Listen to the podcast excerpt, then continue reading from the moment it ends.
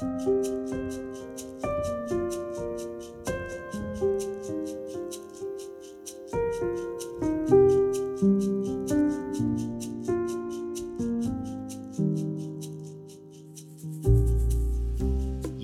sier i Lukas 18, 14 Hver den som setter seg selv høyt, skal settes lavt, og den som setter seg selv lavt, skal settes høyt. Han sier dette i forbindelse med lignelsen om fariseeren og tolleren i tempelet, der fariseeren representerer den som ser på seg selv som viktig, from og feilfri, mens tolleren betrakter seg selv som syndig og uverdig. Forfatteren Philip Yancy har formulert det så enkelt og rett på sak. Det er ingenting du kan gjøre som vil få Jesus til å elske deg mer. Det er ingenting du kan gjøre som vil få Jesus til å elske deg mindre. Og vi kunne ha lagt til det er ingenting du kan gjøre som vil få Jesus til å verdsette deg høyere enn de andre i flokken. Det er ingenting du kan gjøre som vil få Jesus til å verdsette deg lavere enn de andre i flokken. I teksten som ble lest i mange kirker sist søndag, sier Jesus, de siste skal bli de første, og de første de siste. Det er som for skikkelig å understreke poenget, ja, nesten sette på plass de av oss som har en tendens til å legge litt for mye av vår egenverdi i alt det vi gjør og bidrar med, og den plassen vi syns vi har fått i Guds flokk. Husk, de siste skal bli de første. Jeg vet om mennesker som gjennom årene har sluttet helt i menighetslivet fordi de ikke lenger orket å delta så ofte, ikke orket å bidra i tjeneste eller ikke hadde mulighet til å gi så mye i givertjenesten som før. For selv om ingen hadde sagt det direkte, så gikk de rundt med denne følelsen av at for å være med her, så måtte man bidra, og helst ganske mye.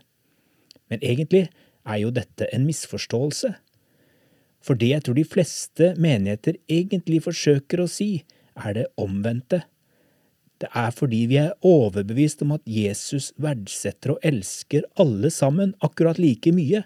Det er derfor vi tror at alle kan ha en plass på gudstjenestene og i de små fellesskapene, og at alle på en eller annen måte, når livet er noenlunde normalt, er utrusta til å bidra i fellesskapet med sine tjenester og gaver, både åndelige og materielle.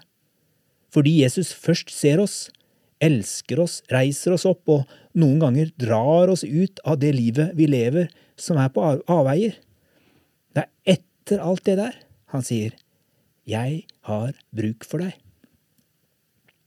Kjære lyttere, la oss få slippe dette falske tankegodset om at det er noen som spiller på A-laget og noen som spiller på B-laget. At de som kjenner og føler og opplever og gjør tilsynelatende mye mer enn andre, og høre Guds stemme litt ekstra, at de er viktigere enn andre? At det er de som er begeistrede og entusiastiske, som kan brukes?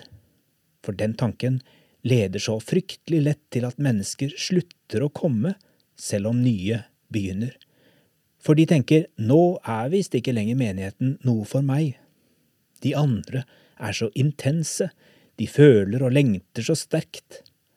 Jeg føler ikke at jeg har verken lyst eller ork til å være med på noen sånne voldsomme greier.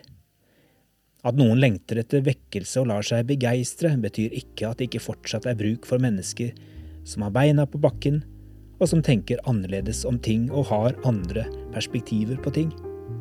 Jesus berører oss på forskjellige måter, og han utruster oss til ulike tjenester, slik at vi sammen kan speile hans nærvær i verden.